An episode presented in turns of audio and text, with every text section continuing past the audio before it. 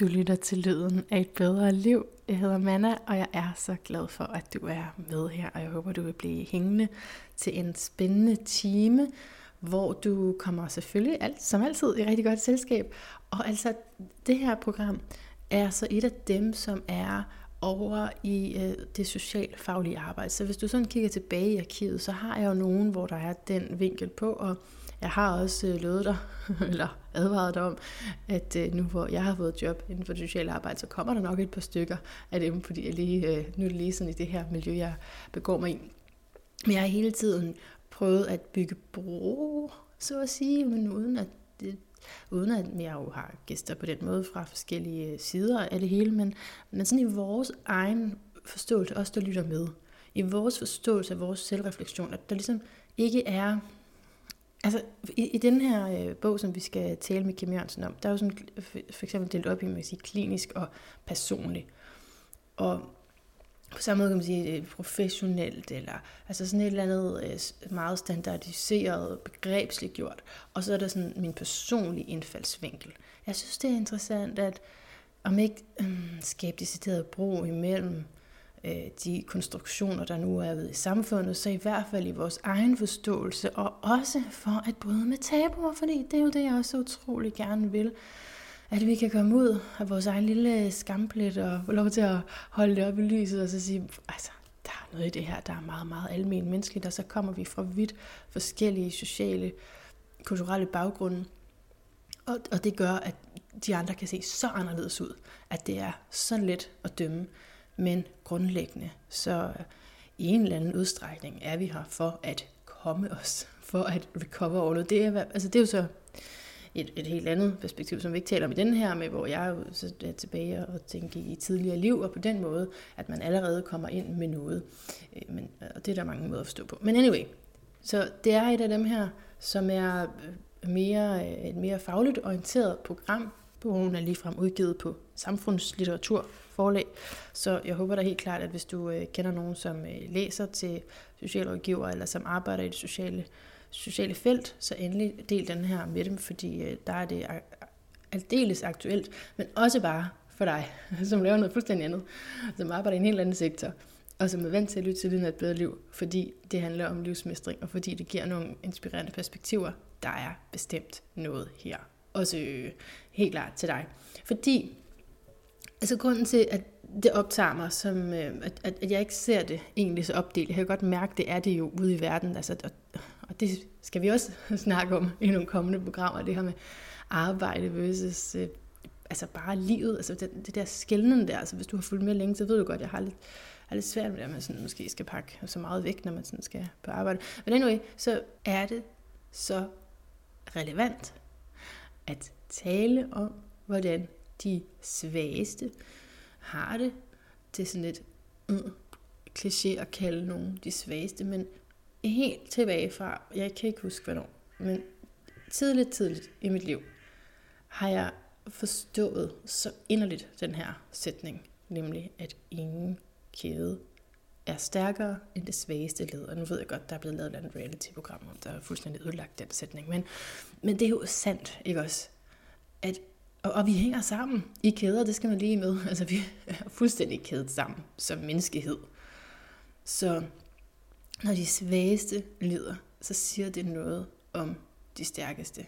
At måske at de øh, har altså, ja, måske halveret sig selv, eller der er dele af sig selv, de har måttet sende i eksil for at gøre andre ondt. Eller altså at Øh, Øh, det kan jo også være, at de svageste får det bedre og bedre, og det siger noget om de stærkeste i forhold til, at de faktisk går mere og mere ind i, i deres øh, mellemmenneskelighed og, og åbner op for at, at forstå andre mennesker fra øh, et hjerteperspektiv. Så, altså, så jeg synes, det her er så aktuelt, og jeg håber, altså evigt aktuelt, jeg håber virkelig, at du, øh, du vil øh, interessere dig lidt for det.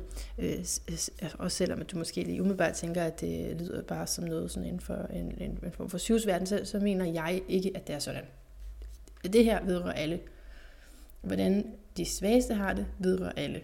Og så er der, og det er så den opdeling med, at der er nogen, der er svage og nogen, der er stærke, så er der jo også det med at sige, mm, der, der findes også det svageste inde i mig. Og hvad gør jeg med det? Og kan jeg se på det på en, en måde, hvor at det ikke er nogen andre, der skal bestemme, hvad jeg skal gøre ved det. Altså, og definere det. Ikke? Fordi du kan jo sige, altså, og det kan måske passe ind i den her ramme af en diagnose, som vi kan bruge rigtig meget, men så er der også altså, en, anden, en anden beskrivelse af det, som hedder, det er en eksistentiel krise, jeg har lige nu. Og hvis nu den definition blev mildere og mindre sådan langtidssigtet, eller sådan, at det ikke sådan er for altid, så, så kunne det være, at man hurtigere kom over det. Og det er jo så med, hvordan vores ord skaber virkelighed, og, og nogle gange indsnæver, og nogle gange kan udvide. Så hele mit projekt her handler altså om, at vi kan udvide vores forståelser af alting, og, og få nogle nye perspektiver.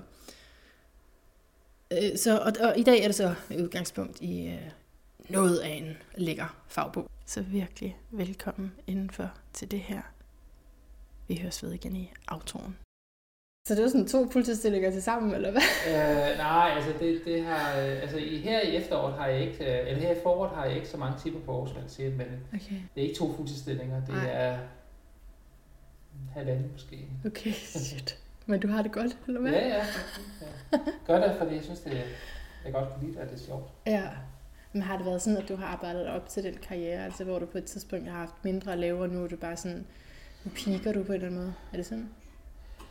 Ja, ja altså det, det kan man jo godt sige, at det, det bliver sjovere, ikke? fordi at jeg ligesom kan komme ud med noget af det, som, som, som, som jeg er optaget af min forskning og sådan noget. Ikke? Så ja. altså, altså, det er også en måde at dele den viden, kan man sige, ja. på universitetet. Ikke? Så, ja. Ellers så er det meget sådan, det her med bare at udgive noget, så ved man jo ikke rigtig, hvad, hvordan det bliver modtaget og sådan noget, men det der med at undervise på universitetet, der, der kan man jo også øh, høre, hvordan det bliver brugt. Ikke? Velkommen til Lyden af et bedre liv, Kim Jørgensen, forfatter og øh, redaktør på bogen Recovery Orienteret praksiser i velfærdsinstitutioner og civilsamfund. Det er den, vi skal tale om i dag. Så tak fordi du vil komme her til det her kontor, jeg får lov til at låne. Jeg håber, at lyden er okay. Og jeg er sikker på, at indholdet bliver mere end okay, fordi jeg er meget begejstret for den her øh, antologi, som det er. Øh, du har redigeret den sammen med, hvad er han, Jeppe Aarhus? Ja, Jeppe Aarhus. Jeppe Aarhus. Øhm, så vil du lige præsentere dig selv og sige, hvad din faglige baggrund er for at arbejde med recovery? Ja, i det?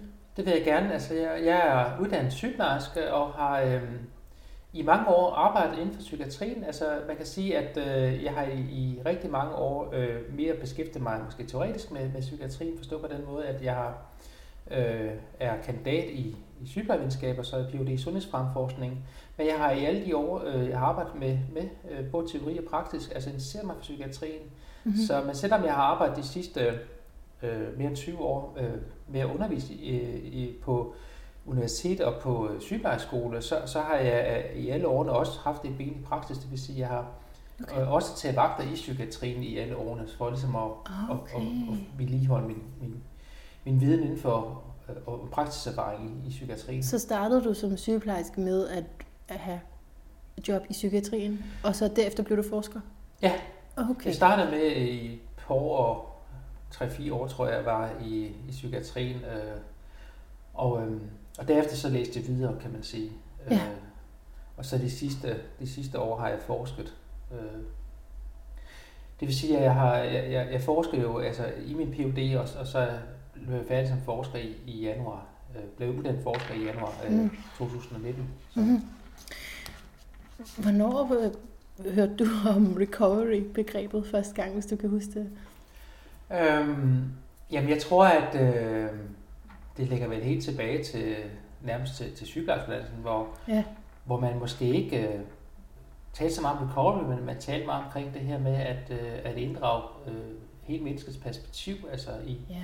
i pleje og behandling, altså, og, uh, og så uh, nogle år senere, altså mange år det siden, det er måske en, en 15 år siden, eller sådan noget, der, der, der, der kom det her recovery sådan mere og mere på banen, altså også i, i litteraturen, altså, uh, og uh, jeg synes jo, at, at det var en god måde ligesom at, at få opmærksomhed på patientens øh, yeah. eget perspektiv, altså yeah. i, i, i pleje og behandling, ligesom det her begreb, så, så, det fortjente jo på en anden måde at, at blive talt mere op, synes jeg, yeah. altså, øh, en, en, øhm, altså i forhold til den øh, sådan mere etablerede behandling. Altså. Så du siger, det er jo 15 år siden, at recovery-begrebet sådan cirka kom frem? Det er svært at sige præcis. Den, er jo, men... den har været frem i længere tid, måske ja. i udlandet, altså, men, ja. men i, i Danmark, I Danmark er den måske ja. sådan blevet mere udbredt. Altså ja. det er for en, ja, en 15 års tid siden måske. Ja. Og så, øh, for mit vedkommende i hvert fald. Ikke? Ja, øh. så tog du ligesom fat i det og udgangspunkt i det. Ja. Mm-hmm. Så i jeres bog skriver I, at I har et sundhedsfremmende og psykosocialt rehabiliterende perspektiv på personlig recovery, frem for de, nu jeg har lige sammensat nogle sætninger her, ikke? frem for de sygdomsforståelser og behandlinger, som kendetegner det medicinske subspeciale med navnet psykiatri. Så recovery er på den måde et skifte fra en sygdomsforståelse eller, og helbredsforståelse til en anden. Man kan i hvert fald sige, at det er måske at tage et andet perspektiv på, på menneskets øh, problemer og, og udfordringer. Det her med, altså frem for at, at være så optaget af øh, det diagnostiske og, og det biomedicinske i, i deres situation, frem for at have det fokus, så kigge mere på øh, egentlig, hvordan mennesker selv oplever øh, forskellige problemer, altså som kan være forårsaget af, af en sygdom. Altså, men det her med at, at, at have et andet afsæt for, for plejen og behandlingen, altså nemlig menneskets egen oplevelser og forståelse og erfaringer. Altså. Så det er sådan en rød tråd igennem recovery, det er, det er personens eget perspektiv?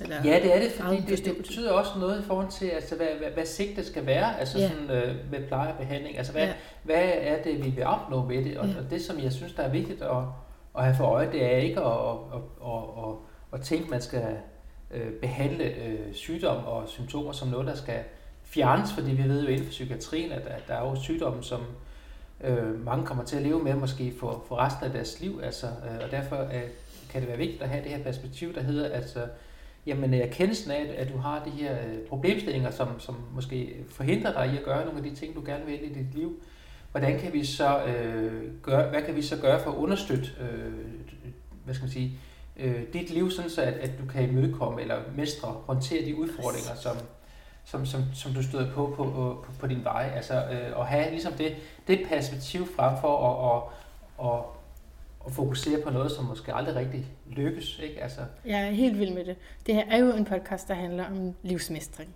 Jeg elsker det. og så jeg synes, det var så spændende at læse om, hvordan I, det synes jeg i flere teksterne, at der er det her fokus på, at det ikke er øh, totalt ophøret af øh, symptomerne, eller, eller for så vidt øh, misbruget, som er formålet, men, men bare det, at det, det rykker sig, at man kan leve med det. Men hvad, hvad er det, I mener med at gå fra klinisk til personlig recovery-perspektiv? Hvad, hvad, hvad ligger der i de to? Der er ja. der, der skiller mellem det kliniske ja, det, og personlige? Det kliniske er jo øh, meget det her, altså inden for sådan en, en sundhedsfaglig øh, kontekst, at, at øh, og det er også det, min egen forskning viser, at, øh, at der er en tilbøjelighed til stadigvæk, selvom vi taler så meget om recovery, så, så er der en tilbøjelighed til, at øh, inden for hospitalsmure, så, så fokuserer vi stadigvæk på, at, at, at det er sygdomme, vi behandler. Mm. Og, og, og behandlingen bliver meget sådan, øh, med, med, med, med fokus på den medicinske behandling. Altså, øh, så det er den kliniske del, kan man sige. Altså, Okay, ja. Hvorimod den anden del er jo netop at, at, at, at tage det her afsæt i, hvordan mennesket egentlig selv mm. oplever øh, sine problemer, og, øh, og, og, og så prøve at undersøge, hvad, hvad er det for nogle håb og drømme og muligheder og så videre, empowerment, det, hvad, hvad er det, vi har brug for i deres liv, for vi kan, øh, altså hvad kan vi gøre for at understøtte øh, og hjælpe dem med, med, med det, kan man sige, for mm. at de mm. kan komme videre på, på deres recovery-rejse, kunne man mm. sige. Ikke? Altså. Ja. Og, og recovery, I skriver selv, det er rimelig svært at oversætte bare sådan med et ord, men det, jeg synes, det er, jeg er rigtig glad for, at I siger, det er, at det er at, at komme sig. Ja. At komme sig. Mm. Ja, og det, det, det, det er jo det, det vi oversætter det til på, på dansk i hvert fald, ja. ikke? at komme sig. Og, mm. og det er jo en individuel følelse, hvornår at man, man føler, at ja. man er at komme sig. Altså, ja. Øh, og, og, det, dermed handler det jo igen ikke om, om selve sygdommen. Altså man kan ikke sådan set, altså ligesom sige, det er sygdom, der er afgørende for, hvornår at man kommer sig. Det er jo noget med, hvornår den enkelte synes, at, at de, de lever det her gode liv, altså, og, mm-hmm. og måske kan øh, udfordre noget af det, der, der betyder noget i deres liv, og, og, og mange af de ting, der, der betyder meget for, for mennesker, også når de har en psykisk lidelse, det er jo mange af de samme ting, som betyder noget for os andre, nemlig at, øh, at have en familie, mm-hmm. måske få børn, og have et job, en uddannelse, og altså, at, at det, det er jo nogle, mange af de samme værdier, som, som, øh, som, som de, øh, de stræber efter i, i deres liv. Ikke? Altså. Så derfor kommer recovery også til at handle om, hvad det gode liv er. Ja, det kommer meget til at handle om, hvad det gode liv er, nemlig. Mm. For eksempel noget, jeg kan huske fra bogen, det her med at bare træffe sin egen beslutning om, hvor man vil have behandling henne, for eksempel. Det kunne også være, det, det kunne også være et, et, øh, en, en, en, øh, en mulighed. Ikke? Altså, øh, og det kan også være nogle steder, at, at man selv vælger sin, sin behandler, ikke? Altså, når man er i, i systemet, kan man sige. Hvem, hvem har en god relation til at, mm. at have indflydelse på det valg? Ikke? Jeg tænkte på, om jeg lige skulle læse op fra øh, side 18. Jeg har taget ret langt citat ud. Ja. Men for at man lige så kommer ind i, øh, i tanken med bogen. Hvad siger du til det? Ja, kan du klare at høre det? prøve at hække mig på. Ja, ja prøv at hække dig på, så du kan genkende noget.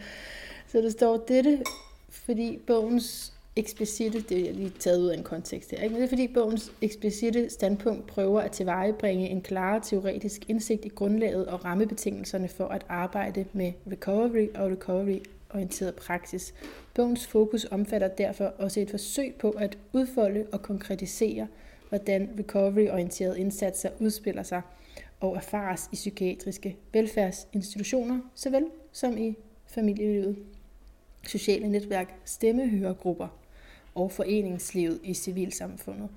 Præcis fordi professionelle nu er politisk forpligtet til at arbejde kvalificeret med recovery-orienterede indsatser i den regionale og kommunale psykiatri i Danmark og Norden, såvel som på stofområdet, er intentionen med bogen at prøve at uddybe særligt professionelles indsigt i recovery og recovery-orienterede praksiser. Så, så det, altså, man får lige nogle ord her, ikke? Og, og så det her med, at det også er politisk rammesat, recovery. Mm. Det er et ord, der bliver brugt politisk det, som noget, vi skal arbejde med. Ja. Hvad det, betydning det, har det? Jamen, øh, det har en betydning i forhold til at sige, at, at, at det, det, det er noget, vi skal, og ikke, altså det er ikke til diskussion, kan man sige, ja. så vi skal jo forholde os til det. Ikke? Ja. Og det vil sige, at øh, regioner og kommuner har jo en forpligtelse til at på en eller anden måde sætte det på dagsordenen, ikke? Altså, og, og, og sikre, at det bliver implementeret, kan man sige, i, i den plejebehandling og rehabilitering, der, der, der tilbydes øh, borgerne. Ikke? Altså, mm. Så, så, så det har da en stor betydning, altså, at, øhm, at, at, at der er det her krav, kan man sige, op fra. Ikke? Altså, øhm, men dernæst, så, så, så bogen øh, handler jo også om at kunne få undersøgt, hvordan det står til med, med den her recovery-orienterede praksis. Altså, øh, ja, så man har det som politisk ord, mm. begreb, ja. og så siger man, hvad er det så egentlig ude i virkeligheden, institutionerne? Ja, præcis. Ikke? Altså, hvordan, kommer det, altså, hvordan manifesterer det sig ja. ude i, i den her virkelighed, altså mm. i, i, uh, på hospitaler og i kommunerne? Ikke? Altså, men også i, i, altså i, i sådan en familiesammenhæng. Altså, hvordan, hvordan, hvordan kommer det til udtryk øh, rundt omkring, kan man sige, i, i sektoren? Ikke? Ja. Um. Ja, jeg synes, det er helt vildt interessant, det med, altså klinisk og personligt, fordi Ja, altså det er jo først, så har du en, en diagnose, og så kommer du ligesom ind i systemet, og så kan man tale om det på den der måde. Men der er jo også alt muligt, man har, som man ikke kommer ind i systemet for. Altså, og du kunne måske være meget mentalt syg uden. Altså i princippet kunne du godt jo være psykisk lidende, uden at komme i, i klinisk behandling. Hmm. Og så opleve at komme der på en anden måde.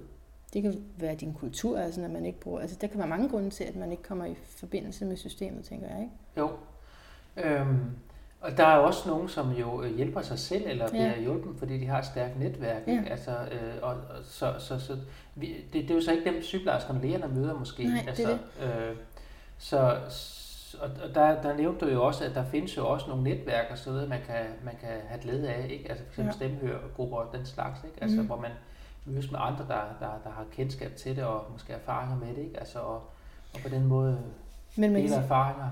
Ja, men, men recovery som begreb er så alligevel, det må så være blevet undersøgt kun der for dem, som har været i behandling. Det er jo svært at undersøge der, hvor man ligesom klarer det selv. Jamen, det, det, det er primært jo, altså den sektor, vi, altså sundhedssektoren, vi, vi undersøger det ikke. Altså ja. det spørger professor, men vi spørger også øh, brugere, jo, som, som har været i kontakt med, med sundhedsvæsenet, altså, og, og, og møder dem forskellige steder, kan man sige. Og, Øhm, nævnte du også nogle af de steder, som for eksempelvis en rusmiddelbehandling og den slags. Ikke? Altså, så, så, så de er jo alle steder, kan man sige. Recovery er alle steder. Ja. Kan du sige noget om sådan den teorihistoriske baggrund for begrebet? Altså, i hvilken kontekst det ligesom opstod? Fordi jeg kunne forstå, at det var sådan i, var det i civilsamfundet, eller hvad?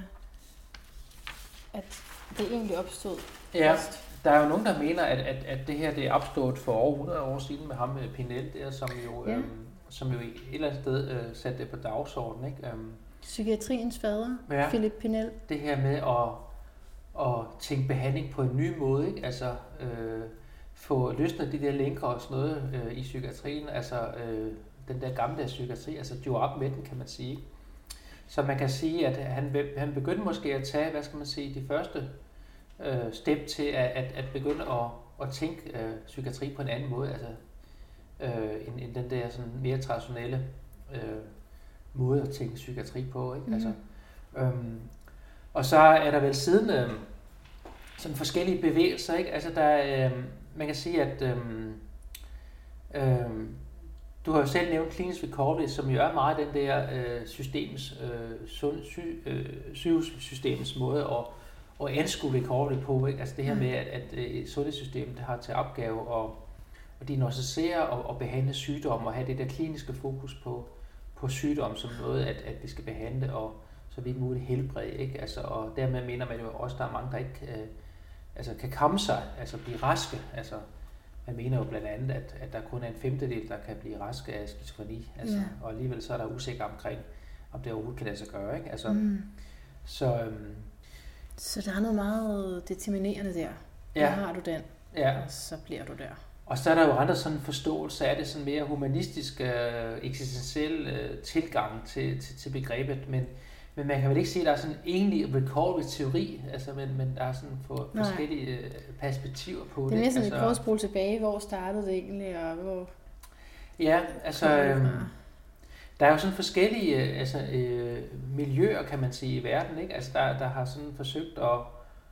Øh, at gøre op med psykiatrien, kan man sige. Ikke? Blandt andet i England, der har man jo øh, i mange år øh, haft et, et andet form for samarbejde med brugerne. Ikke? Altså, mm-hmm. øhm, tænkt øh, sådan noget åben dialog og den slags, altså sådan øh, inddrage dem på, på langt mere, altså, mm. og deres perspektiver. Altså, øh, åbent elev handler jo netop om at, at at lade dem få en langt større stemme altså i, i den plejebehandling, som, som der til, tilbydes. Ikke? Altså, øh, og få deres familie også inddraget. Altså, øh, møde mennesker mere, hvor, altså, hvor de lever deres liv altså i, øh, i, i lokalsamfundet og den slags. Altså, jeg kan sige, lige en lille afstikker, inden jeg går videre her med mine mange noter, så altså, er jeg jo så blevet bekendt med igennem det her arbejde, jeg har nu, at øh, og det altså, vidste jeg ikke, altså, men at man det normalt ikke øh, bliver indlagt, eller selvfølgelig er det ikke sådan normalt normalt, men at øh,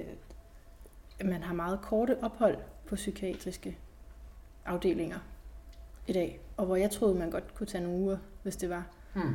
Mm, hvor sker den her recovery egentlig henne? Altså nu, hvor øh, at det er sådan, at jeg gået fra, at det er en udvikling, der har, altså, også, det ved jeg ikke, om det er noget med at spare, eller hvad, men at det kun er sådan, ja, lige, der kan man lige have et par overnatninger, og så skal man ellers øh, have hjælpen ambulant, sådan, som mm. jeg har forstået det. Ja, det er rigtigt. Jamen, øh, det er jo rigtigt, at, at, øh, at recovery er, det meste recovery foregår jo øh, uden for hospitalets mure, kan man uh-huh. sige. Øhm, men øh, og, og der, hvor jeg tænker, at, at der også er et problem, det er, at når patienten bliver indlagt, øh, så, øh, så får man måske ikke altid øh, tage højde for patientens recovery-proces. Altså man, man, man, man har meget fokus på nu og her, altså, og behandler øh, det akutte. Mm-hmm. Og, og måske uden så meget tanke på, på det videre forløb. Ikke? Mm. Altså, øh, så, så, så du har helt ret i, at, at det meste psykiatri er jo kortvarigt, men der findes også øh, altså, øh, afdelinger, som har ham indlagt i, i længere tid. Ja. Øh, de, de, de findes også, altså inden for retspsykiatrien for eksempel, ikke? Og dobbeltdiagnoser og den slags, hvor de er ja. i, i nogle længere forløb. Men yes. ellers så er det jo meget ambulant øh, mm. behandling altså af forskellige varighed, ikke? Altså, øh, som, som skal understøtte øh, den plejebehandling. Men det er meget interessant, ikke? Fordi nu er du dybt inde i det, men hvis man bare står, og så lige pludselig får man, altså man ved måske ikke lige, så man tænker bare, ja, vi har jo noget sygehus, og vi har noget psykiatri.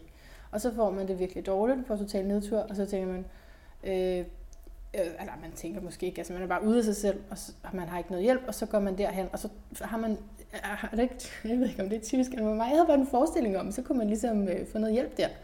Men, øh, men der er også en helt screeningsproces for, om du overhovedet ligesom er kvalificeret til, at det skulle have noget med psykiatrien at gøre. Altså, det er jo ikke så let igen.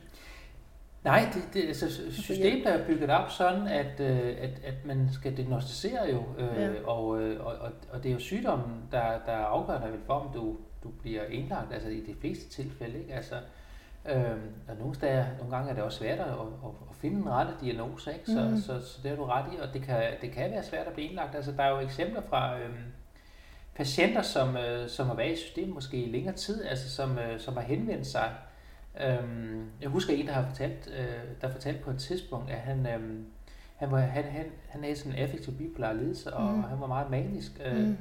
Og han mærker selv, at han har brug for behandling og henvendte sig øh, på et øh, større øh, psykiatrisk hospital i Københavnsområdet. Øh, og øh, han var en fyr, som var sådan, på trods af, at han havde det psykisk skidt øh, til tider, så klædte han sig pænt på og, og var sådan en et mand. Så, så da han mødte op derude på, på psykiatrisk modtagelse, så, øh, så fik, de, fik han at vide, at øh, jamen, han var ikke syg nok til at, at blive indlagt, øh, på mm. trods af, at øh, han inderst inde havde det helt forfærdeligt. Øh, så gik han hjem, og han var en klog fyr, så han gik jo hjem, og så skiftede han tøj. Og så sørgede han for, at, at håret det var ulet, øh, og så tog han ind på et andet større hospital i Københavnsområdet, og så blev han indlagt lige ja, det samme. Kæft, ja. Så ja, altså det, det er ikke øh, nødvendigvis let at blive indlagt, ja. øh, altså, fordi det, det, det er jo, altså, det er jo svært at se, hvad man rummer ind i, og, og, og personalet er måske meget dømmende også på det ydre. Ikke? Ja, altså det siger jo noget om os mennesker i det hele taget. Ikke? Altså, ja. Og så den der forventning om, at det, det kan du nok selv klare. Og, men altså, tror du det kommer så, altså er det penge, der er issueet? Altså er det fordi, man skal spare, så vi kan jo se, at psykiatrien har jo øh, forandret sig igennem de sidste årtier. Ja. Altså at øh, vi kan jo se, at, at sengene, altså de, de indlagte seng er jo øh, blevet, øh, altså der, der, det blev omlagt mere til lukket øh, regi, ikke? altså mm. lukket intensive afdelinger. Der er færre øh, åbne afdelinger, altså og, og mere ambulant behandling. Så, så, mm. så der er jo sket et, et skifte, kan man sige, at, at dem, der er indlagt, det er de aller, aller dårligste patienter. Men er det, så, altså, og det er så økonomi, og så måske også det her recovery med, hvis man siger, at du skal faktisk selv klare det?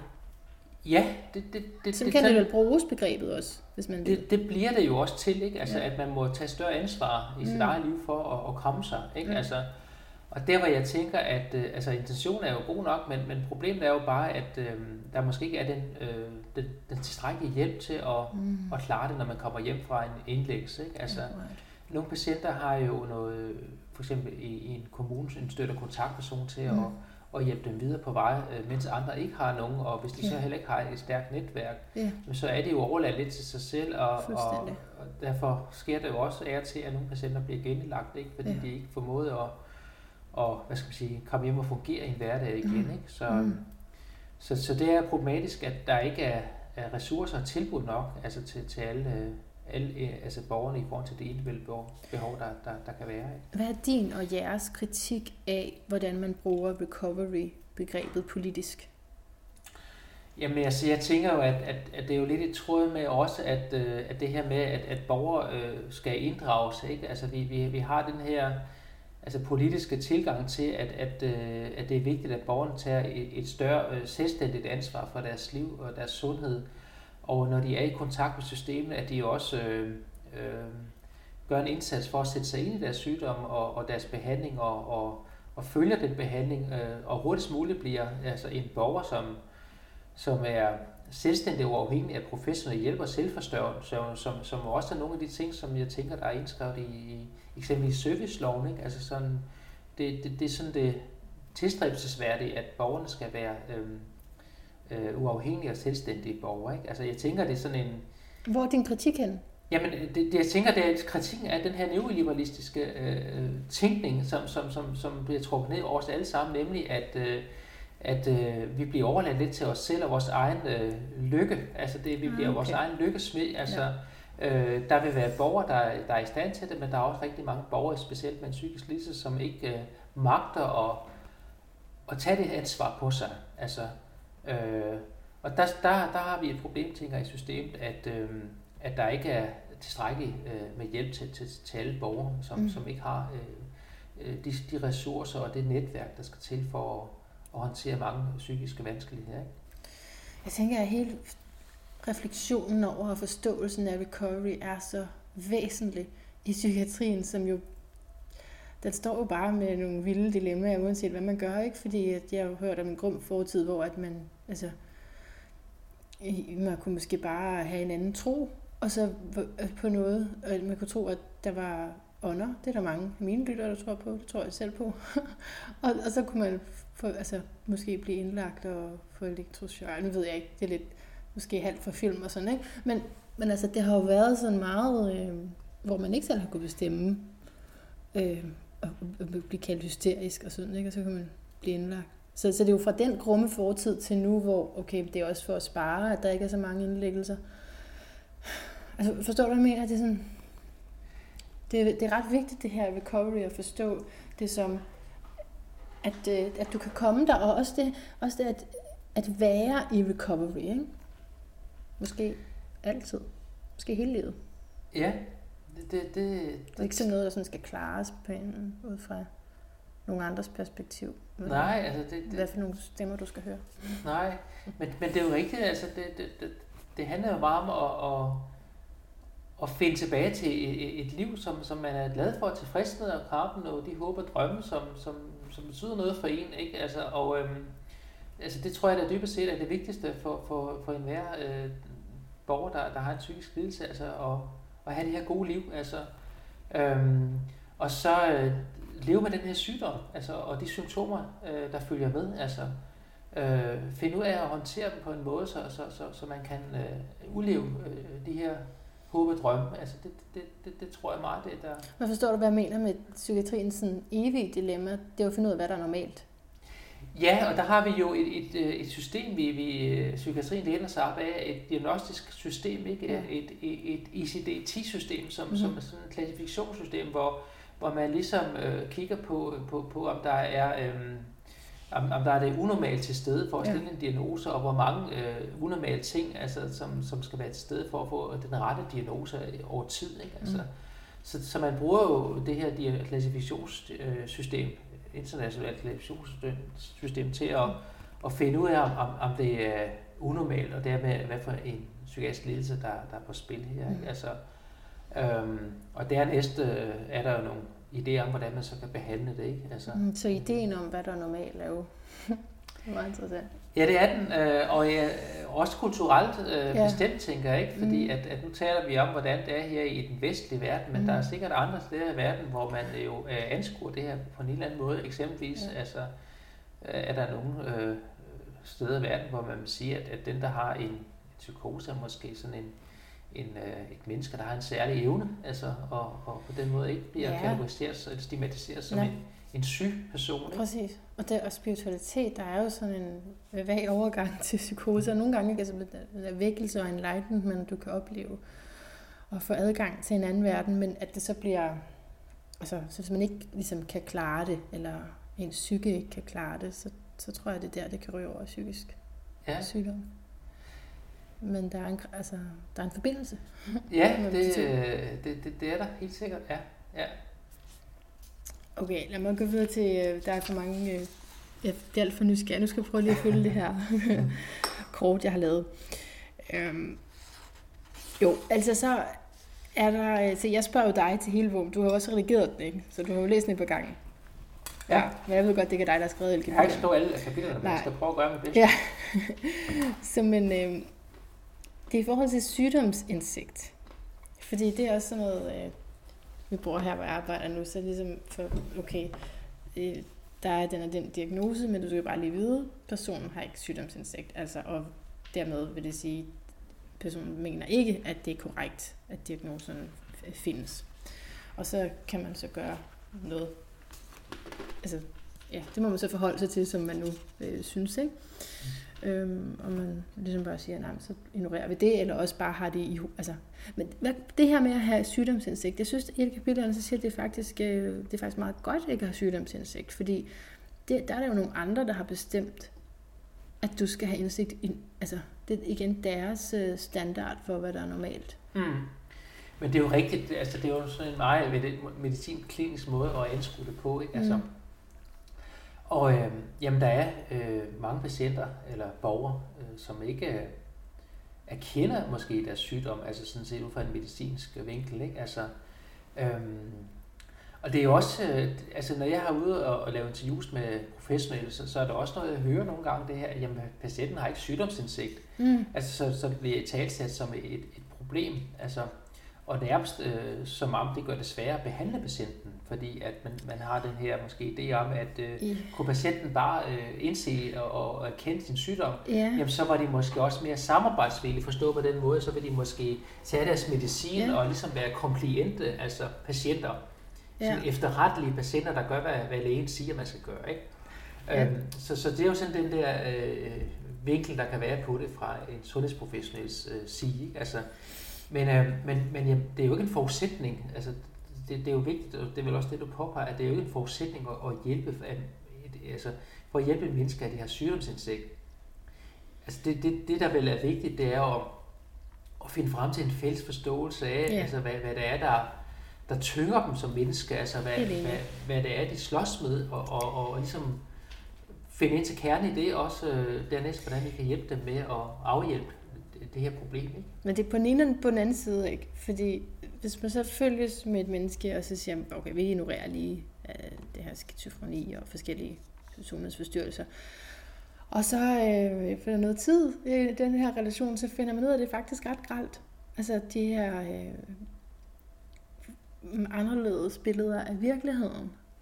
Øh, og så kunne man måske godt have ønsket, at, at der var lidt mere lydhørhed fra den anden, at, at, at der var noget om det at, øh, at der er noget på spil her, som der ikke er tjek på. Ikke? Så det er på den ene eller anden side, I skriver, altså, at begrebet sygdomsindsigt øh, forudsætter, at der kun findes én og kun én korrekt måde at forstå psykiske lidelser på. Og den er defineret af behandleren. Mm. Og det så positionerer brugeren ud fra, om de er enige i den definition eller ej. Ja. Øhm, og, og så bliver det problematisk, når, når så, jeg, så jeg kan se det fra begge sider. Kan du ja, følge mig? Ja, det, altså, det, det, det, det er helt rigtigt. Altså, Altså når vi taler om, altså sygdomsindsigt er jo ikke et, et, et begreb, der kommer fra borgeren selv. Altså det er jo et, et, et professionelt begreb. Altså, øhm, og det, det, det, det er jo et begreb, som på en eller anden måde øh, efterspørger, at, at, at patienten skal passe ind i en, en bestemt kasse, en bestemt tænkemåde, ikke, når man mm. taler om sygdomsindsigt. Ikke? Mm. Altså, øhm, så øh, borgeren, som ikke øh, selv oplever at, at være syg, har måske nogle helt andre perspektiver på, på deres problemer, altså som, som ikke bruger det sprog. Og det siger så, det er lige så validt, det er lige så legitimt. Det mener jeg, det er, altså, ja. øh, at, at det er, men, men, men det er ikke uh, lige så legitimt på et hospital, der skal diagnostisere hvad hvis og, man, det der sprog. Nej, men hvad hvis man som borger siger, at der er ikke nogen, der ser mig, der er ikke nogen, der hører mig, der er ikke nogen, der kan lide mig, I er alle sammen imod mig. Så siger du, at det, det er da måske meget legitimt, at det er sådan. Jamen, Frem for at man kunne sige, at du har ikke sygdomsindsigt i, at du har en personlighedsforstyrrelse.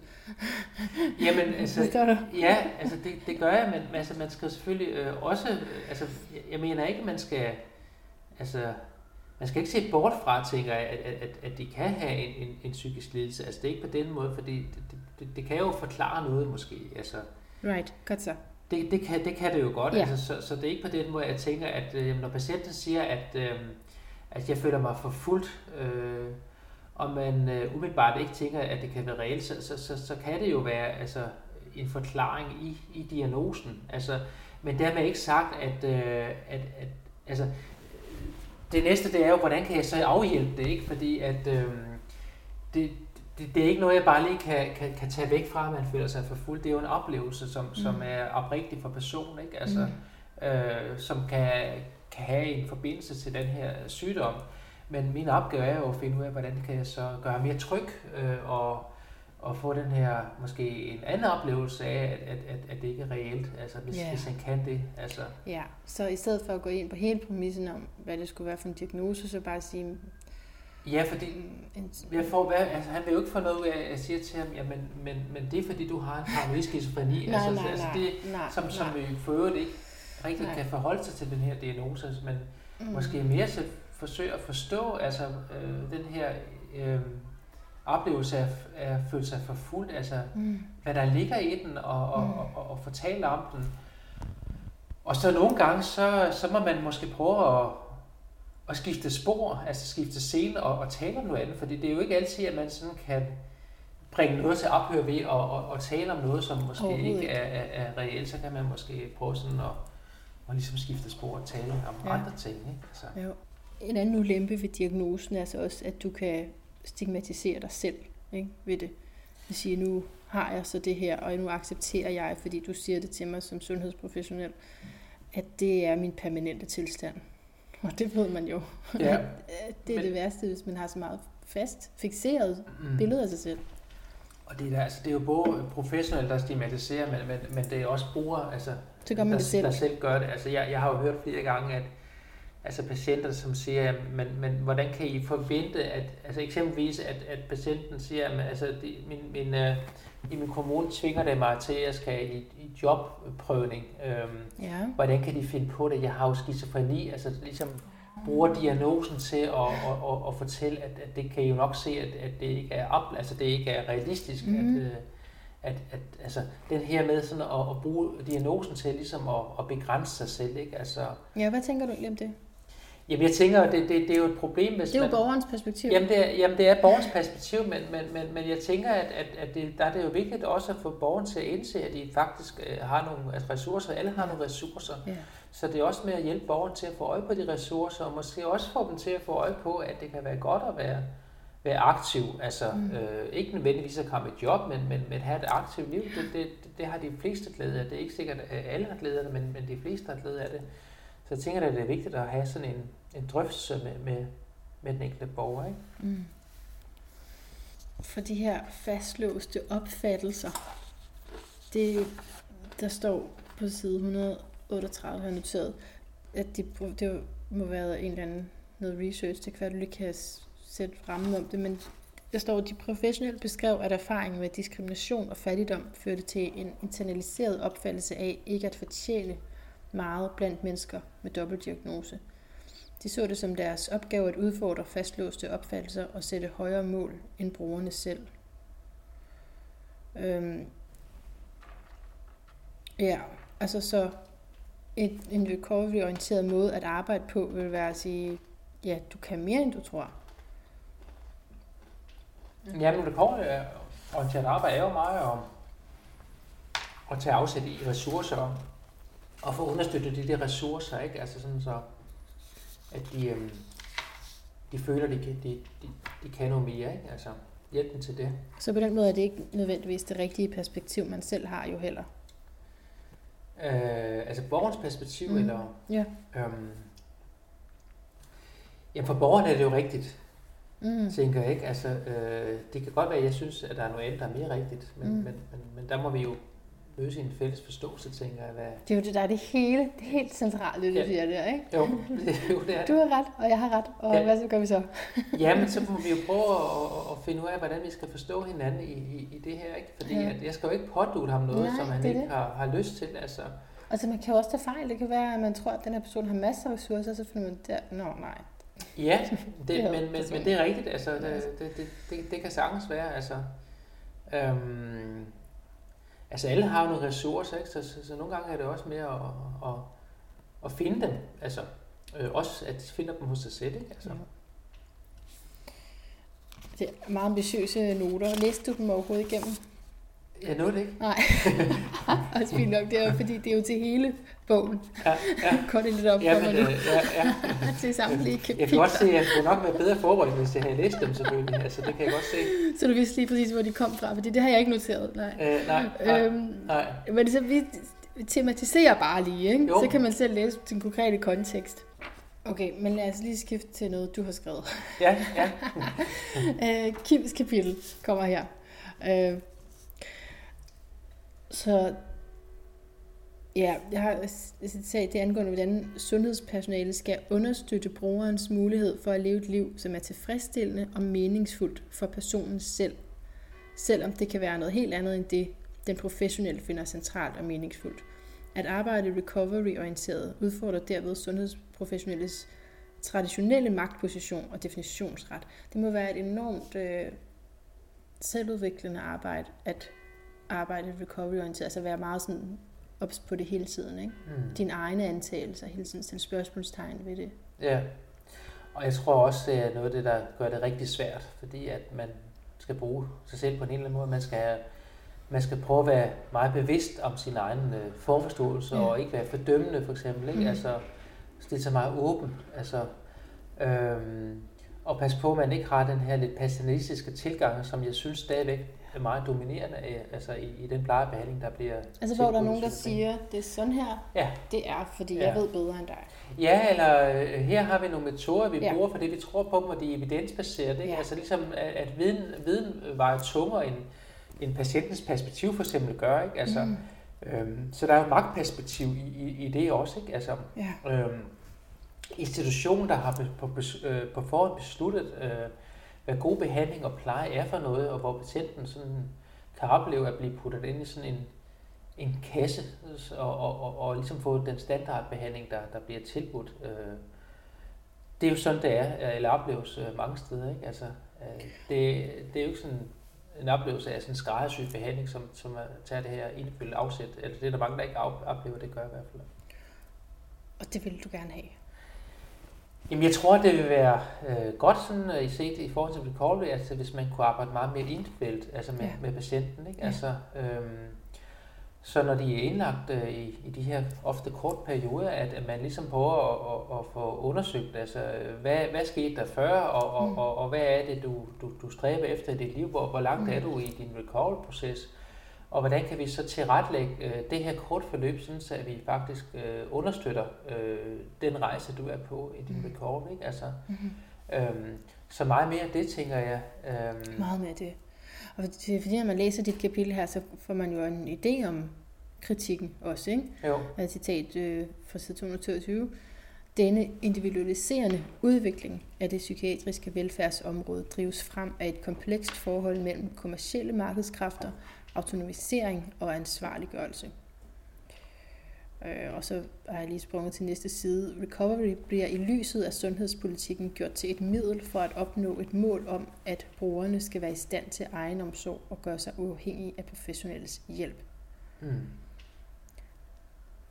Og, og, så der er altså du siger faktisk, at man, altså, man behøver ikke at være uafhængig af professionelles hjælp.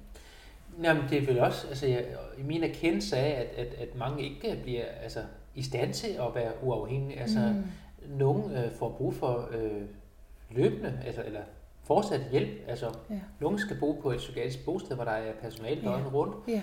Øh, så, så, øh, så at sætte det uafhængighed som, som det ultimative mål, det, det mener jeg er, er en fejl. Altså, fordi det, mm. det, det vil kunne lade sig gøre for nogen, men der er jo rigtig mange af de, de, dem, der har det ellers svært, som ikke kan opnå Præcis. eller leve op til det her mål, altså Præcis. om uafhængighed.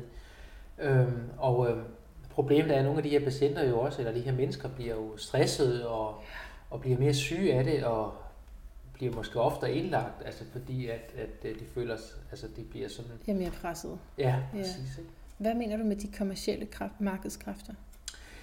Jamen det er jo, man kan sige, det er jo, det er jo den samfundsudvikling og at være et velfærdssamfund, det er jo også, at den gode borger jo bliver set som en, der er bidragende og mm. funktionsdygtig, mm. altså betaler sin skattegruppe og arbejder den måde. Altså det, ja. det, det, er jo også det, der bliver, altså bliver, hvad skal man sige, der er værdifuldt altså, mm. øh, i befolkningen. Altså, øh,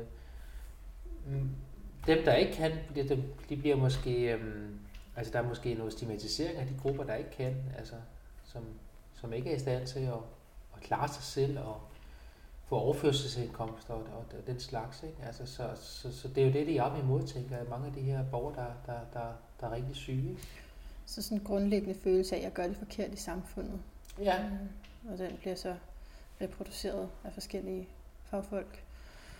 Ja, ubevidst, tror jeg. Mm, ja, ubevidst selvfølgelig, ja. Ja, mm. altså det, det, det, det tror jeg, altså, øh, fordi der er ingen tvivl om, at, at de professionelle, øh, når, når de møder dem i hospitalsregi, gør jo, hvad, hvad de tænker, der, der er det klogeste at gøre, og, og læner sig jo op af, af den forskning, der er på området. Ikke? Altså, øh, medicinsk behandling, jamen, det hjælper jo mange patienter, men, men ikke alle patienter, og, og der er jo også en, nogle, nogle bagsider ved det, altså der er nogle bivirkninger ved det, ikke? Så, mm. Så, så det professionelle gør jo det øh, i bedste tro om at vil hjælpe. Altså, men set i forhold til recovery, altså, øh, der bliver der måske overset nogle ting, når de er indlagt. Altså det, der er et andet perspektiv på, på, på mennesker, når det er indlagt. Altså det mm. her biomedicinske syn på, på patienten ofte, ikke? Nu skal du altså, ud af din sygdom, eller hvordan? Ja, det her med, at, at, at man kigger på, altså, hvad er det for nogle symptomer, der er i spil, mm. og, og hvordan kan vi behandle dem. Altså, så det er ligesom er det, der bliver øh, sat i fokus. Altså.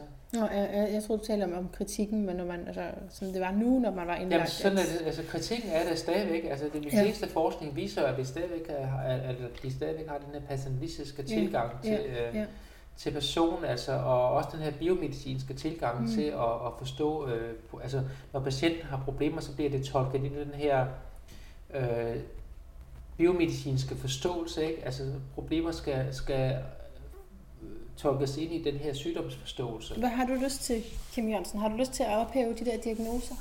Øhm, altså, nej, jeg har ikke lyst til, at de skal ophæves, men jeg, men, men jeg synes, de kommer til at fylde for mig. Jeg har lyst til, at, at vi skal tale, altså vi, vi skal have patientens stemme mere frem. Altså, ja i, i psykiatrien. Vi skal, vi skal lytte mere til patientens øh, egen oplevelse og, og, og hvad de gør sig af tanker om, om fremtidig håb og, og drømme. Altså tage, tage det i højere grad til indtægt. Men nu har du selv arbejdet som det, ikke? I, ja. I, altså ude i felten. Og hvis nu du så har siddet med en hvad kalder man det, patient, bruger, borger? Ja, det er jo det, altså, ja. når, når det er i psykiatrien, så kalder man dem jo patienter. Patienter, øh, men det er så også problematisk måske. Ja, det er det jo i princippet jo, altså, ja. øh, det, det, det er det, og ude i kommunen kalder man dem jo for borgere, ja, eller borgere, nogle steder ja. der også for klienter, ikke? Altså, ja. så, så der er jo forskellige sådan betegnelser afhængig af, hvor du møder øh, den enkelte dag. Ja, men jeg kan godt huske, altså på socialrådgiveruddannelsen, der var du sådan, uh, klientliggørelse, ikke? Men altså, så som selvstændig, så er det mega nice at have klienter. Ja, ja, ja, ja det, det er klart. det er rigtig godt at have klienter. Ja, det er klart. Ja. så det er sådan lidt. Nå, øhm, men jeg mener bare, at du har siddet der, ikke? Og så, så forestil dig, så har du en, og så du har skulle være sammen med den her person ret meget, og personen har bare snakket og snakket og snakket og snakket og snakket. Og du er helt, altså, kogt op. Der kan ikke være med i dit hoved. Øhm, hvordan fokuserer man på recovery der? Altså, det er jo også hårdt at, at arbejde med mennesker, der har det så svært. Ja, det er det, og, og i, nogle gange i en akutte fase, der, der, der kan det måske være svært at, have den samtale, øh, der handler om fremtiden. Ikke? Altså, så, så der kan jo være en, en, en, øh, en, øh, akut periode, hvor, hvor, hvor de er måske er meget psykotiske og har mange mm. bangeforestillinger og den slags. Mm hvor det lige nu kan være rigtig svært egentlig at, at forholde sig til andet end bare at, mm. alle de symptomer, de, de, de, de lige nu er fyldt med. Altså, ja. Så det er også noget med sådan at, at, at løbende øh, have den her dialog med patienten og finde ud af, hvornår er de egentlig sådan lidt videre og parat til at, at kunne lade, være lidt fremadskuende altså igen. Ikke? Altså, øh, så i det der eksempel, du giver, der, der handler det måske egentlig om at, at være de her store ører egentlig, og, og bare rumme og lytte til, til alle de her tanker øh, for på et andet tidspunkt at, at, at forholde sig lidt mere til deres, øh, til deres fremtidige liv, ikke, når de skal, de skal videre. Det jeg jo elsker ved den her bog, ikke? det er også det, der du slutter af med at skrive, at det, at det har villet os med bogen, var at demonstrere, hvordan recovery-orienterede processer øh, kan se ud, til trods for professionelle brugere og pårørende, at de arbejder i nogle snævre mulighedsrum. Altså lige præcis, og jeg tror at alt socialt arbejde i Danmark er sådan forholdsvis snævert. Der er de her to tilbud, og ja. hvis ikke at du passer ned i det, hvad skal vi så gøre? Ikke? Så derfor er man nødt til, når man arbejder, mener jeg, i et socialt arbejde, at være ja, mellemmenneskelig, tror jeg, I kalder det. At den der menneskelige faktor, og, og være lidt, lidt kreativ også. Altså, så gøre nogle ting inden for de kasser, der nu er. Men altså, men man, man kan gøre ret meget ved at skifte sin forståelse ud, forestiller mig.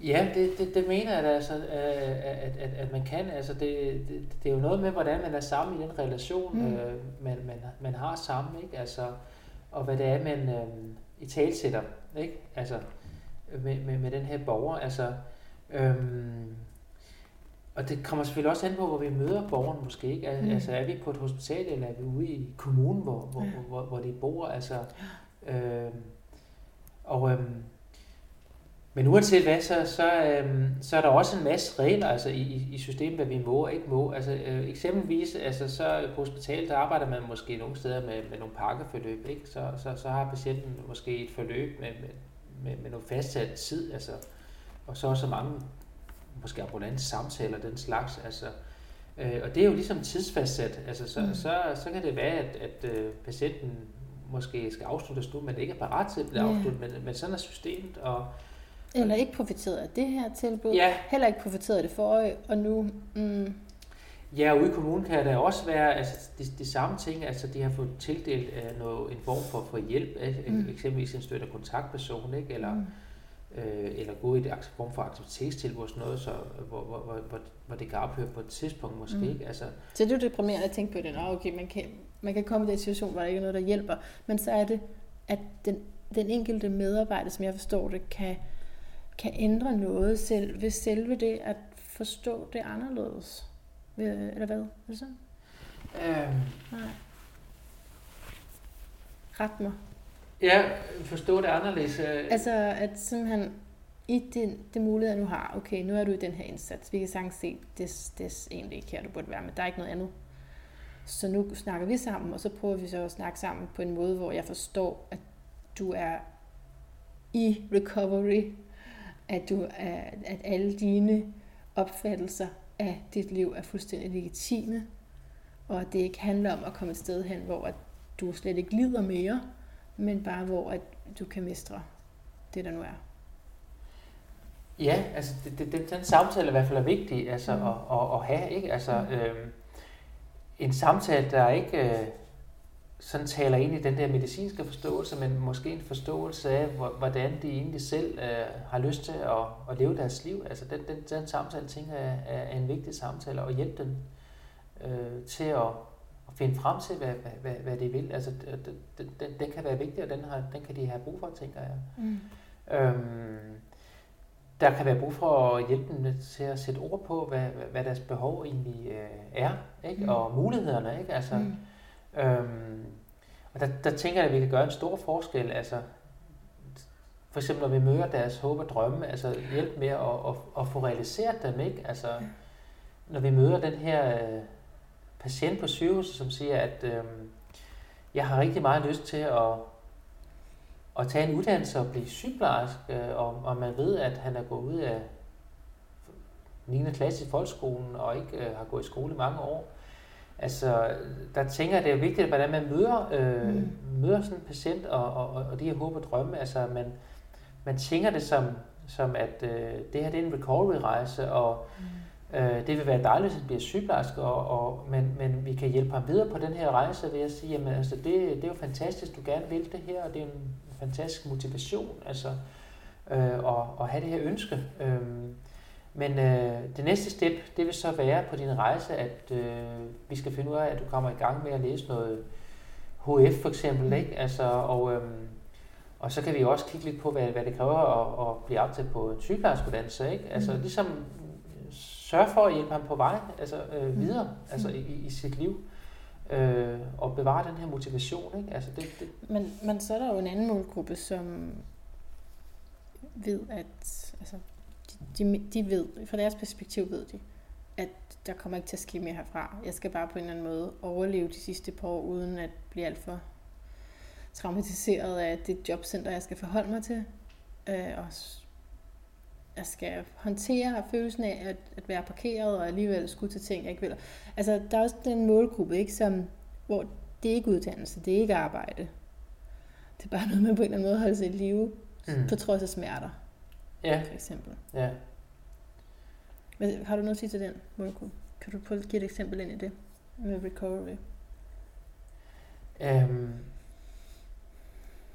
altså, man sidder jo også i en sorg over, for eksempel måske aldrig at kunne få bil igen, hvis det har været vigtigt. Nu prøver jeg nogle eksempler for brugere, jeg kender, ikke? Øh, fordi at det, det var naturligt, dengang man havde en løn. Nu er det virkelig sparsomt med økonomien, og øh, altså, det kommer ikke til at ændre sig. Jeg kommer ikke til at tjene flere penge, fordi jeg er syg. Ja. Ja. Så der er alle mulige ting, og bil det er én ting, men altså, altså hele sådan liv, øh, der, du er nødt til måske at købe meget dato med og sådan. Ja. Samme flasker. Øhm, Ja, altså på en eller anden måde acceptere altså, den situation, man, man, man, man, er, man er i nu, ja. ikke? Og, ja. og måske også øh, vil finde sig i for, ja, mm-hmm. for resten af livet, måske ja. i værste fald. Ikke? Altså, øhm, og øhm, den, den, det er jo svært, altså, og der tænker jeg, altså, det, det er jo en situation, man også måske har brug for at have nogle relationer, altså nogle stærke relationer, der kan, der kan støtte en og hjælpe en, altså her, altså, øh, det kræver også selvfølgelig meget en selv, altså for at kunne, kunne overleve. Øh, ja, for jeg tænker, det. det er vigtigt også at kunne bruge recovery-begrebet til, når der netop ikke er stilet hen imod det der samfundsbidragende menneske. Ja som vi alle sammen godt kan anerkende, du er på vej mod en uddannelse, så får du job på det tidspunkt. Hvad hvis, det, det er ikke det, der kommer til at ske. Hvad så? Hvordan er man så i recovery? Mm. Jamen altså, der er jo, der er jo personer, som, som, som lærer at håndtere deres problemer, altså egen, øh, egen drift, ikke? Altså, ja. det, det, det, det, det findes jo også, ikke? Og, mm. øh, som har de ressourcer, der skal til, eller har et, et, et, måske et stærkt netværk, og, og øh, i stand til at måske skabe nye netværk, og på den måde øh, have, have de ressourcer, der det, det kræver at komme igennem. Ikke? Altså, også på trods af, af smerter eller andre mm. ting, altså øh, også øh, psykiske vanskeligheder. Ikke? Altså, øhm, det er også en del af recovery. Ja, det er også en del af recovery, altså at, at kunne komme igennem det, kan man sige. Ikke? Ja. Altså, ja. Så vi er lige ved at være her i afslutningen. Ikke? Øhm, jeg har, altså jeg har, jeg har jo ikke dit fødselstidspunkt, Kim, og det piner mig. Kan du huske, skrive om det? Har jeg ikke givet dig det? Nej, men det, du, jeg tror ikke, at du vidste det. Vidste du dit fødselstidspunkt? Altså, nej, nej, det er rigtigt. Det er nej, rigtigt. Det, det, det øh, ikke. Nej, det, så, øh. så jeg er left med, at, øh, at du krebs. Ja. og så har jeg også lige tjekket, at øh, månen er jomfru, og det er, det er godt til, når man vil skrive og også redigere. Fordi okay. så er man god til at finde fejl. Nå. Så med. Ja. Væk med de der fejl. Men krabsen, lad mig blive lige ved krabsen, fordi det er jo simpelthen så smukt, at det er også kun lige et afsnit siden, at jeg lavet en, med, hvor der også vi har snakket lidt om, om krebsen, og det var, det var sådan i forhold til egen omsorg, for det er også en krabseting. Så. Og, og, jeg synes, recovery, altså da du skrev, at du var krebs, bare sådan, jamen det er perfekt, det er perfekt. Fordi det er, det er jo simpelthen det, krebsen er her for. Altså, det er for at se livet som en healingsrejse. Virkelig. Altså, og, og i, i kraft af egen healing kunne være noget for andre. Og så hvad er det ud de andre, og så fordi, nå ja, fordi jeg skal også selv. Ikke? Så hele den der vekselvirkning imellem at nære andre og give sig selv næring. Og, og hvis man kajter lidt rundt med det, så kommer man til at, at give andre en næring, som de ikke har brug for, fordi man ikke har set sin egen behov først ved projektioner og sådan. Så man den virkelig positiv, flotte udgave af Krabsen. Det må da være at interessere sig for recovery. Det vil jeg bare sige. Det synes jeg. Hvordan, hvordan har du, altså ser du livet som en uh, healingsrejse? Altså generelt livet løsredet for hvilken som helst målgruppe? Bare alle, er livet, hvad, hvad ser du, hvordan ser du det? Jamen jeg tænker, at altså, livet er jo øh, en, en, en lang rejse, hvor, hvor man øh, i løbet af livet jo støder på alle mulige øh, hvad skal man sige, udfordringer. Mm. Altså, og, øh, og, og, og, og jeg synes, livet handler meget om at, og, hvad skal man sige, føle sig klædt på til at, at, at håndtere de udfordringer, man, man møder på sin mm. vej. Og det er jo alle mulige rum for udfordringer, som både privat og jobslit og så videre, ikke? Altså, man mister en kær og den slags, altså, ja. hvordan man kommer igennem det, ikke? Det her med at også forsøge at, at se det positive i noget, der, der kan være svært, ikke? Ja. Og så finde steder, hvor du kan få dig fyldt på, ligesom. Ja, det, det er jo også øh, det, der er, altså, at, at man finder ud af, hvad der giver en energi, ikke? Og, mm. og til at komme videre. Altså, øh, hvad har man brug for, for at blive lavet op og komme videre? Det er jo meget forskelligt, tænker mm. jeg, ikke? Hvad, hvad vi som mennesker har brug for, for at blive lavet op, altså, øh, og, og håndtere forskellige udfordringer. Altså, der, det tænker jeg, der vand, krabsens altså, kæmpe ressource er at sidde over for en og så at kunne fornemme ind i det, ikke? At hvad for nogle særlige behov, der måtte være. Ja, ja. Okay, men altså, vi skal ikke have astrologisere mere, men øhm, jeg har jo bare det her spørgsmål, så hvad er din lyd af et bedre liv? Hvad siger du? Hvad er din lyd af et bedre liv? Du har ikke læst noterne, sorry. nej, nej. Øh, det, er fint. Det, er fint. det sidste standardspørgsmål er ja. altid, hvad er din lyd af et bedre liv? Du må gerne, du må tænke det så lang tid, du vil.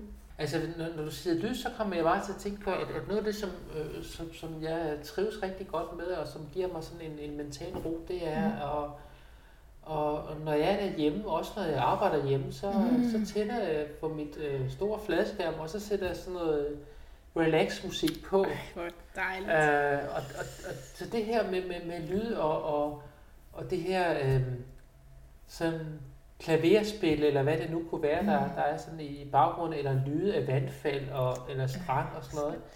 Ja. Øhm, det, det, det er mentalt øh, rigtig god benzin øh, for mig at, ja. at lytte til, altså, øh, og, og giver mig sådan en, en dejlig fornemmelse, og sådan en dejlig tryghed, ikke? Altså det at, at bare sidde og, og fordybe sig i noget, og så, så høre de her lyde her samtidig, det, det er rigtig godt. Det er en genial vej til selvhealing, og en mulighed, som vi har i dag, ikke? Faktisk at gå ind og finde sådan noget. Ja, det... Relaxing music. Det har jeg svært ved at undvære i dag i hvert fald. Ja. Og det er så krabsagtigt, den scene, du beskriver der med at sidde hjemme. Ja, ja og så, og har jeg jo alle, alle de her billeder på skærmen samtidig, ja. ikke, som viser altså, de flotteste billeder i en verden, og jeg tænker, hvor er det hen, og hvordan kommer jeg derhen, og, og det, det, det, det, vil jeg gerne nå ja. i mit liv, og sådan nogle ting. Ja. Altså, det, det, så, så smukt. Ja, hmm. simpelthen. Natur healer os. Okay, hvad, der mangler du, hvad føler du? Mangler du noget at sige? Mangler du at sige noget? Øhm, øh, altså jeg tænker, at det er jo ikke et område, man, man, man bliver færdig med. Altså, og, og det er jo et, et område, som jeg jo fortsætter med at forske i. Altså, ja. øhm, så, øhm, så jeg synes jo, at, at, at så også med vores bidrag til bogen her, altså det, det er jo noget med at, og ligesom at få, få, få, få, få øje for, at, øhm, at der er en anden side af psykiatrien, som, som, ja. som, som vi skal til at tale mere om, ikke? Altså nemlig patientens øh, eget perspektiv på sit liv, altså, ja. og, og, og have meget mere fokus på, hvordan vi kan øh, understøtte øh, den vej, de selv ønsker. Øh, det, det, det, det tænker jeg, den her personlig recovery-tænkning, altså det, det er den, vi skal have mere fokus på. Så, så bogen, altså det er jo også det, der, altså vores ærne med bogen, det er jo på en eller anden måde at få mere øje øh, på det, altså i, i psykiatrien. Ikke? Så vi håber mm. selvfølgelig på, at, at den kommer til at, at virke derude, altså at blive læst. Helt klart, helt klart. Meget varmt anbefales herfra. Meget spændende forskellige bidragsydere. Øh, men lige sidst tror du, at øh, kommer det tilbage, de der lange indlæggelser, eller er det passé? Det, det tror jeg ikke, fordi tendensen er jo øh, ikke, at, at, øh, at der, man skal være indlagt i lang tid. Altså det, mm. og det gælder jo også i somatikken. Ikke? Altså man, man, man, man, man tænker jo øh, anderledes. Altså man bliver jo øh, syg af at være indlagt i lang tid, så, så, så der er jo ikke... Men det er det kun, hvis det er et dårligt sted, man er indlagt, er det ikke? Ej, jeg har sådan et romantisk billede af, hvor meget man kunne gøre. Jeg tror, at det bedste, man kan gøre, det er jo at, altså, at, mm. så vidt muligt at, at være i sine vante omgivelser, og, og så okay. få øh, ja. den, den, den bedst mulige hjælp, men, ja. men der skal stadigvæk være mulighed for at at være indlagt, når man har det aller værst. Ikke? Altså. Og øhm, man har jo forsøgt sig også med patientstyre seng og den slags. Altså, det er jo også mm. et, et forsøg på at åbne op for noget fleksibilitet, ikke? Når, når man så øh, synes, man, man har brug for det, så kan man så lade sig indlægge, altså uden at ja. man skal igennem øh, alle mulige øh, mm. visiteringsprocedurer og den slags. Så, mm. øhm, mm. så, øh, så jeg tænker ikke, altså, altså og man kan også sige sådan, demografi og så videre. Altså vi, vi bliver jo øh, ældre og ældre som borgere, altså, så, så, så der er jo større og større pres også på sundhedsvæsenet, så, så, yeah. så der er jo, altså, der er jo brug for øh, et sundhedsvæsen, som, som, som arbejder anderledes, ikke? Altså yeah. i, i dage, hvor, hvor man kun er indlagt, når man har det aller værst, ikke? Mm. Altså, så jeg tror, det er også, at, at det er vigtigt at, at gøre noget mere ude i kommunerne yeah. for at, øh, at hjælpe de her borgere, yeah, så, det, så, så det, det ikke skal indlægges øh, yeah. for mange gange. Ikke? Altså. Ja. Så det gode ved at færre midler er, at man så måske er nødt til at udvikle og støtte op om, at man, at personer, mennesker selv får mestringsredskaber. Det ville jo være skønt, ja. hvis vi fik noget mere af det. Og man kan sige, at vi er jo på vej, altså, med, med, altså der er jo skoler, ikke? der er mm. patientskoler, mm. eller vi kalder det recovery-skoler, sådan noget. Mm. det er jo også noget, man har i Region Hovedstadens psykiatri, ikke? Der, mm. Hvor man kan uh, gå på skole i sin sygdom, eller mm. gå på skole i at blive bedre til at, at forstå og håndtere nogle øh, af de udfordringer, der, der kan følge med at have en diagnose. Ikke? Mm. Øh, så, så man prøver at, at, at gøre noget for, at, at borgerne øh, kan i, i højere grad kan, kan klare sig altså bedre. Ikke? Ja. Ja, ja, så klare sig bedre. Ikke klare sig selv, men klare sig bedre. Ja. det var god. Den tager vi. Ja. Tusind tak, Kim, for det her. Jamen, selv tak. Det var virkelig dejligt. Selv tak. Og hjertet tak til dig, der har lyttet med. Der er behov for et paradigmeskifte på det psykiske sundhedsområde, kan man læse allerede på bogens bagside. Og øh, det er jo svært at modsige. Og det her er et skridt hen imod det. Det, at vi taler om det, og det, at vi får forståelse for mm, menneskets healingsproces.